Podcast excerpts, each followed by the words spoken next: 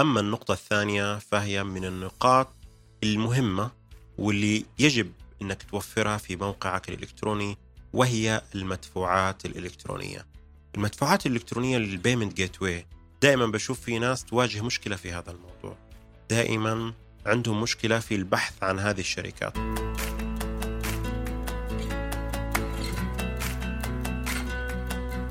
طبعا في أشياء بتخص ال CRM اللي هو customer relation management الموضوع هذا برضو مهم جدا ممكن يكون موجود في موقعك آه، بحيث إنك تعرف العميل اللي طلب منك أكثر العميل اللي توقف عند شركة معينة العميل اللي توقف عند خطوة معينة العميل اللي ما اتخذ القرار بالشراء وقف عند مثلا صفحة ال checkout وما كمل.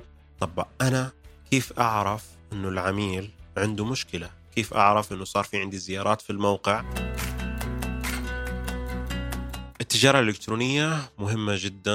التجارة الإلكترونية صارت يمكن حلم أي شخص حاب يبدأ في عمل الأونلاين. التجارة الإلكترونية في ناس كثير دخلت في التجارة الإلكترونية وفشلت. ويمكن سمعنا قصص نجاح كبيرة وقوية جدا. وفي قصص فشل أكثر من قصص النجاح. ليش قصص الفشل أكثر من قصص النجاح؟ لأنه في شروط معينة لدخولك في التجارة الإلكترونية. أهم شرط وهي استمراريتك في موضوع التجارة بشكل عام. أهم شرط تكمل كل العناصر الرئيسية أثناء ما بتكون عندك تجارة إلكترونية. والشرط المهم جدا جدا جدا أنه نعرف أنه كل الأقسام بتخدم بعض. في حال أنك حققت الثلاث شروط الرئيسية هذه راح تنجح بشكل كبير وخاصة إذا استمريت بشكل صحيح. معكم محمد الغندور من غندور بودكاست. وإذا حاب تضيفني على حساباتي في وسائل التواصل الاجتماعي بس ادخل على جوجل واكتب محمد الغندور تسويق راح يظهر لك موقعي الإلكتروني وفي كل حساباتي على ال social media. أسعد الله مساءكم. اليوم راح تكون هذه الحلقة مخصصة لسلسلة التجارة الإلكترونية. سواء كنت تسمعني وانت سايق سيارتك سواء كنت تسمعني وانت في بيتك سواء كان مزاجك مبسوط أو زعلان إن شاء الله تضلك مبسوط دايما. وإن شاء الله من خلال هذا البودكاست راح تطلع بمعلومات مفيدة وتبدأ فيها عملك الحقيقي من خلال سلسلة التجارة الإلكترونية.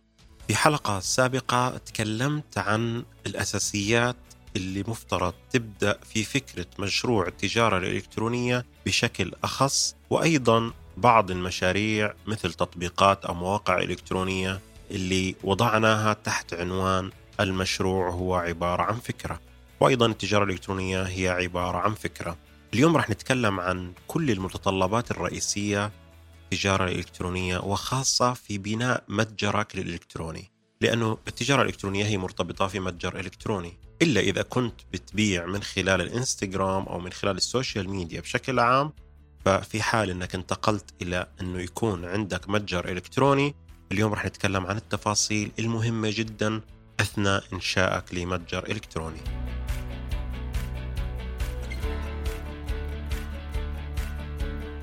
تخيل دائما أن المتجر الإلكتروني هو عبارة عن محل تجاري. يعني ممكن شخص يدخل محلك التجاري وأثناء دخوله لهذا المحل صار واضح بالنسبة له المسار المفروض يتجه إله. يعني على سبيل المثال لو هو حاب يشتري منتجات معينة بفئات معينة مثلا المكسرات ففي section خاص بالمكسرات واضح جدا. ولكن تخيل إنه ال section هذا مش واضح. العميل راح يتوه داخل المحل التجاري. آه، أيضا إذا كان حاب يعرف السعر الخاص في المنتج في محلات كثير ما بتعرض السعر الخاص في المنتج فبيضطر في هذه الحالة إنه يسأل الموظف عن سعر هذا المنتج. نفس الشيء في المتجر الإلكتروني. بدل ما هو متجر عادي أو محلي فالمتجر الإلكتروني نفس الكلام. هذا كله تحت مسمى ال UI وال UX user interface و user experience ال user interface بكل بساطة هو التصميم الخاص بالموقع. ال user experience تجربة المستخدم في الموقع. هل كانت الخطوات سهلة في التعامل مع موقعك؟ هل في ال user interface مجرد أنه دخل العميل على موقعك؟ عرف في أي اتجاه ممكن يدخل سواء كان في section للعروض سواء كان في section للفئات الخاصة في المتجر. في الشراء الآن في تخليص العملية بشكل عام آه، في التواصل معك إذا كان في مشكلة بواجهها. الأمور هذه مهمة في أي متجر إلكتروني لأنه في ناس كثير تتجاهل هذا الموضوع وممكن يكون سبب رئيسي في خسارتك لبعض العملاء. تخيل يكون في عندك زوار على موقعك بشكل كثير كبير وفيما بعد تتفاجأ أنه ما في عندك أي عمليات بيع. هل تعلم عزيز أنه ممكن تكون هذه هي المشكلة السبب الرئيسي لخسارتك لهذا العميل؟ لأنه الموضوع ما كان واضح بالنسبة له فاتخذ قرار بالانسحاب من موقعك والبحث عن بديل. لذلك لازم تكون مركز على هذا الموضوع. طيب أنا كيف ممكن أبدأ أشتغل على ال user interface وال user experience وراح تسمع المصطلح هذا بشكل كثير كبير اللي هو ال UI وال UX مثل ما ذكرت لك. في عندنا دائما أكثر من خيار في التصاميم. الخيار الأول وهو أعمل custom design أني أصمم تصميم خاص فيا من خلال شركة من خلال freelancer آه، من خلال مصمم يطلق عليه ال UI وال UX أو ال front end هذول أساس عملهم إنهم يسهلوا على العميل الانتقال بين الصفحات في موقعك أو في متجرك أو في تطبيقك أو ايا كان. فلذلك إذا تعاملت مع أحد الشركات أو أحد الأشخاص اللي بيشتغل في هذا المجال لازم تكون دقيق في اختيارك لأنه هذا الموضوع مهم وأيضا مكلف بعض الشيء. ما راح أقول لك إنه هو رخيص بس مكلف بعض الشيء. آه، ممكن يوصل 800 دولار 1000 دولار 2000 دولار ممكن يوصل إلى 10000 دولار. وفي أيضا شركات بعرفها ممكن تنفذ المشروع هذا إلى ما يصل 20 ألف دولار. فالموضوع يعتمد على آه، المتطلبات كم عدد الصفحات كم عدد العمليات وأيضا كله يعتمد على تحليلك للمشروع وتحليل أيضا الشركة لهذا المشروع. هذا في حال أنك أنت حبيت تسوي تصميم مخصص ودائما بصراحة اللي بيسووا تصميم مخصص أغلبهم شركات كبيرة أو متوسطة لأنه مش حابب أنه يكون في قوالب مستخدمة في مشاريع أخرى. وهذه من كلمة قوالب مستخدمة ننتقل إلى الخيار الثاني وهو أنك تستخدم تصميم تشتريه من أحد المواقع الموجودة أونلاين. ممكن تشتري قالب متكامل آه، في كل الخيارات اللي أنت حابها بس مجرد أنك راح تغير في اللون شوي راح تغير بين السكاشن شوي راح تضيف مثلا هذه الأيقونة بدل من هذه الأيقونة. أمور كثيرة بتقدر تشتغل عليها وهذا الشيء بيوفر عليك وقت ومجهود بشكل كثير كبير. وفي كثير شركات بتلجأ لاستخدام القوالب الجاهزة لأنه في بداية التجارة الإلكترونية ما كان في قوالب متوفرة بشكل كثير كبير خاصة نتكلم في 2013 14 15 يمكن إلى عام 2017 بدأت قوالب تنتشر بشكل أكبر ف كانت معدودة ومحدودة الآن لا أصبحت موجودة بشكل كثير كبير ولكن في الشركات حابة التميز فهذا بيعتمد كله على الميزانية. هل أشتغل كاستم ديزاين تصميم مخصص أو أني أشوف قالب جاهز وأشتغل عليه؟ طبعا خيارات القوالب الجاهزة كثيرة. وأنت إذا كتبت مثلا تمبلت e-commerce أو WooCommerce بيعتمد على لغة البرمجة اللي راح تشتغل عليها. وحاول تطبق مبدأ 3 clicks يعني 3 clicks يعني من خلال ثلاث ضغطات خلي المستخدم ينهي عمليته. يعني دائما حتى لو تلاحظ في امازون أو في نون في عندهم two click أو two button آه يعني آه زرين. الزر إنه add to cart أو buy now buy now مجرد إني ضغطت عليه وداني على صفحة checkout بشكل مباشر. وهذا الشيء بيختصر على العميل عملية الشراء. فتخيل إنه خلال خطوتين أو ثلاثة أنهى العملية بشكل كامل. فهذه هي الشطارة في تصميمك للموقع وفي تسهيل العملية للعميل.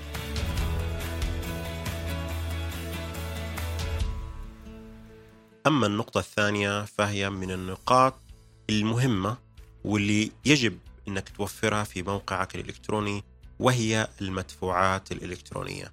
المدفوعات الإلكترونية لل payment gateway دائما بشوف في ناس تواجه مشكلة في هذا الموضوع. دائما عندهم مشكلة في البحث عن هذه الشركات. طبعا الشركات أصبحت متعددة. لو سألتني هذا السؤال قبل سنتين ثلاثة عام 2020 أو 2019 كان في شركات ولكن ليست بالشكل الكبير اللي إحنا بنشوفه حاليا. لو أنت دخلت فقط على جوجل وأنت بتسمع البودكاست الآن وكتبت شركة مدفوعات إلكترونية أو payment gateway راح تلاقي شركات كتير موجودة. والشركات يعني ضخمة جدا. في شركات معروفة عالميا زي 2Checkout وفي شركات محلية حسب الدولة اللي أنت بتقيم فيها وحسب الدولة اللي أنت حاب تسوق من خلالها. ولازم تكون عارف أنت أثناء اختيارك للمدفوعات الإلكترونية أنت في أي دولة حاب تسوق منتجاتك. يعني لا تروح تشترك في شركة مدفوعات إلكترونية على سبيل المثال موجودة في مصر أو موجودة في المغرب أو موجودة في أوروبا أو أمريكا وفي نفس اللحظة أنت حاب تسوق منتجاتك في السعودية مثلا أو في الإمارات لأنه ممكن شركة المدفوعات الإلكترونية لا تقبل المدفوعات اللي من خلال هذه الدولة. فلذلك لازم تركز في المدفوعات الإلكترونية تقبل أي دولة. غالبا وخلال الفترة الأخيرة في شركات صارت تغطي تقريبا أغلب الدول ولكن أيضا be careful خليك حريص جدا في معرفة أنه هل الدولة اللي أنا أستهدفها تقبل هذه بوابة الدفع أو لا لكي لا تقع في الخطأ. لأنه ممكن يوم في الأيام بعد ما اتفقت وبعد ما خلصت الأمور هذه كلها وهذا الشيء على فكرة بتكلم لك إياه من واقع صار بالفعل. وفيما بعد لقى أنه الشركة هذه لا تدعم الدولة اللي هو حاب يسوق لها فاضطر إلى تغيير الشركة. واستكمالا لموضوع المدفوعات الإلكترونية حاول أنك تضع للعميل أكثر من خيار في الدفع. هل من الممكن أنك تخلي العميل يدفع آه، هو الدفع عند الاستلام أو دفع أونلاين؟ وممكن أيضا تضيف بعض الخيارات اللي موجودة في دولتك. يعني على سبيل المثال في المملكة العربية السعودية في STC Pay في مدى ومثلا في مصر في فودافون كاش في آه، فوري وأيضا في في الأردن أتوقع زين كاش أو حاجة زي هيك تقريبا. فلازم تعطي خيارات أكثر للعميل كلما أعطيت العميل خيارات أكثر كلما كانت فرصة العميل إنه ينهي عملية الشراء بشكل ناجح بشكل أكبر. لذلك لازم تكون مركز على جميع الخيارات اللي بتتيح فرصة للعميل باتخاذ القرار بإنهاء عملية الشراء بشكل ناجح. ننتقل إلى النقطة المهمة جدا وهي الخدمات اللوجستية. الخدمات اللوجستية تشمل تخزينك للمنتجات وأيضا تشمل التوصيل لهذا المنتج. الموضوع هذا مهم جدا في كثير ما عندهم الخيارات للعمل على هذا الموضوع طبعا أنا بتكلم مع الناس اللي عندها المنتجات يعني إذا كنت بتشتغل في ال drop shipping فهذا الموضوع مش مهم جدا بالنسبة لك أما إذا كنت آه، شاري منتجات already وحاب أنك تسوقها فلذلك يجب أنك تختار الشركة اللوجستية اللي راح تساعدك في توصيل منتجك إلى العميل. طبعا الشركات اللوجستية بدأ يعني انتشارها بشكل كثير كبير بعد كوفيد 19 بعد أزمة كورونا أصبح في دولتك أكثر من شركة لوجستية. بكل بساطة فقط راح تبحث عن شركات خدمات التوصيل ممكن تكون زي شركة DHL شركة ارامكس شركة فيديكس وأيضا في شركات محلية ممكن تكون أرخص أسعارها من الشركات هذه ولكن تعتمد على الشحن. هل هو حيكون شحن دولي؟ هل هو حيكون شحن محلي؟ فبناء عليه راح تحدد الشركة اللي راح تتعاقد معها. الموضوع بسيط جدا. بعد ما تتعاقد مع هذه الشركة راح يكون في حاجة اسمها ال integration أو الربط بين المتجر الإلكتروني الخاص فيك وأيضا هذه الشركة. هذا في حال أنك أسست المتجر وبدأت تشتغل عليه. وإذا استخدمت متجر من خلال ال cloud service اللي شرحتها في الحلقة السابقة في الغالب بتكون الشركة موفرة لك عدة شركات لوجستية للشحن والتوصيل. أما إذا لم تكن متوفرة فبسيط جدا أنك تبحث عن شركة والموضوع كتير بسيط راح تدخل مع الشركة التقنية أو الشركة المنفذة لمشروعك أو حتى الشخص اللي نفذ لك المشروع بربط حاجة اسمها ال API ال integration بين النظام الخاص فيهم والنظام الخاص فيك والمقصود فيه بكل بساطة عشان ما أطول في الموضوع هذا كثير إنه مجرد إنه وصل ال order على متجرك الإلكتروني فبشكل مباشر راح يروح للشركة اللوجستية لتنظيم العملية التوصيل. ومن هذه النقطة ننتقل إلى التخزين.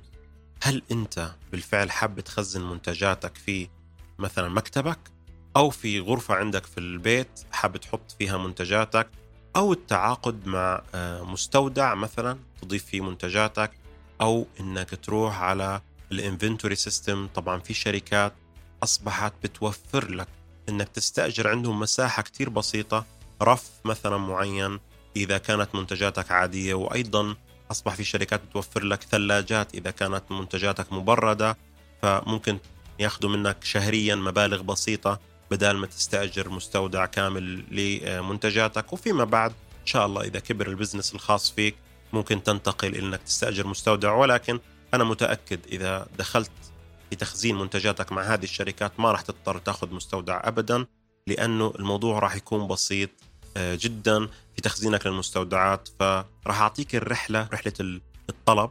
مجرد أنه وصلك طلب على متجرك الإلكتروني راح يروح لشركة التوصيل بشكل مباشر. وأيضا راح يروح للمستودع بشكل مباشر ومن خلال ربط الأنظمة المستودع بجهز الطلب وشركة التوصيل راح تستلم من المستودع هذا الطلب وتقوم بتوصيله للعميل. طبعا خيارات التخزين كثيرة وأنا أعطيتك بعض الخيارات البسيطة وأغلب الشركات الكبيرة أصلا شغالة على نفس النظام. فالموضوع إن شاء الله بسيط ولكن فقط ما بيحتاج منك غير التأني باختيار الشركات اللي راح تكون متعاونة معك لأنه هذه الشركات هم عبارة عن شركاء. نجاح المنتج ونجاح متجرك الإلكتروني هو باختيارك لشركات ال third party إحنا بنسميهم اللي هم ال payment gate المدفوعات الإلكترونية وأيضا التوصيل لأنه هو ما بيعرف شركة التوصيل مين هي أصلا ولا بيعرف شركة المدفوعات طبعا أنا بتكلم عن العميل ما بيعرف مين شركة المدفوعات الإلكترونية فلذلك إذا حصل أو صار أي مشكلة أنت المسؤول عن هذه المشكلة. فلازم تكون متأني في اختياراتك في التعامل مع هذه الشركات. النقطة التالية والنقطة المهمة لازم تكون عارف المتجر الإلكتروني أو حتى في أي منظومة الأقسام كلها تكمل بعضها البعض يعني كلهم بيكملوا بعض. يعني على سبيل المثال ال call center أحد قنوات التسويق. نتكلم التوصيل أحد قنوات التسويق. الدعم الفني أحد قنوات التسويق حتى المصممين وال social media أحد قنوات التسويق. إيش يعني يا غندور الكلام هذا؟ يعني يا عزيزي لا تخلي اللي في الدعم الفني أو في خدمة العملاء ما عنده آه، خلفية عن بعض الاستفسارات الخاصة في المنتجات. يعني ممكن يكون في عندي استفسار دائم فلازم يكون خدمة العملاء على خلفية بالكامل. إذا كان في عندك عروض إذا كان في مشاكل بوجهها العملاء إذا السيرفر على سبيل المثال صار في مشكلة والموقع صار في بطء لازم يكون عندهم خبر في هذا الموضوع علشان يعرفوا يردوا على العملاء صح. لأنه في حال العميل تعامل مع خدمة العملاء وصل لخدمة العملاء موضوع هو ما بيعرف عنه شيء مثلا عرض نزل جديد وما تخبروا فيه أو ما عرفوا قسم خدمة العملاء فهذه مشكلة. وعلى فكرة المشكلة اللي أنا قاعد بقول لك عليها بالفعل صارت ومع شركات كبيرة وليس شركات صغيرة. وهذا الشيء بناء على دراسات إحنا سويناها سابقا إنه في شركات للأسف ما بتشتغل على هذا النهج خلاص قسم التسويق وقسم المبيعات يقوموا بتحقيق ال target السنوي أو ال target الشهري. طب في يا جماعة أقسام ثانية لازم تكون عارفة في هذا الموضوع بحيث إنه لو العميل شعر للحظة إنه خدمة العملاء ما عندها الخلفية الكاملة عن هذا الموضوع ممكن يفقد المصداقية بالكامل. فلازم تكون شغال على هذا الموضوع بالخدمات المتكاملة أو بالعمليات المتكاملة بين الأقسام. ليش أنا ذكرت هذه النقطة؟ علشان أنتقل لك على نقطة مهمة جدا وهي خدمات ما بعد البيع. في حال أنه وصل للعميل المنتج حاول أنه يكون في تواصل مباشر بينك وبين العميل من خلال بريد إلكتروني مثلا آه، هل استلمت المنتج في الوقت المحدد؟ هل جودة المنتج كما توقعت؟ آه، مثلا هذا نتكلم استبيان أو تقييم لتحسين خدماتنا فيما بعد. لا يعني إنك تسمع بعض التعليقات السلبية ممكن يحبطك أو ممكن يخليك ما تكمل في هذا الموضوع بالعكس التعليقات السلبية هذه ممكن تكون إفادة. فلذلك حتى أنا ذكرتها في أحد الحلقات إنه ممكن المسوق الشاطر يستفيد من التعليقات الإيجابية والتعليقات السلبية أكثر لأنه بيقدر يعدل كل الملاحظات والمشاكل اللي صارت من خلال الحملة التسويقية أو من خلال مثلا التوصيل للمنتج أو من خلال المدفوعات الإلكترونية أو من خلال التصميم. أمور كثير مرتبطة في التقييم العميل أو الاستبيان المرسل للعميل بشكل عام. وأيضا في قنوات مهملة النيوزلتر عن طريق البريد الإلكتروني. فهذا مهم جدا. هذه خدمات ما بعد البيع أو نتكلم أنه التواصل مع العميل في خدمة ما بعد البيع.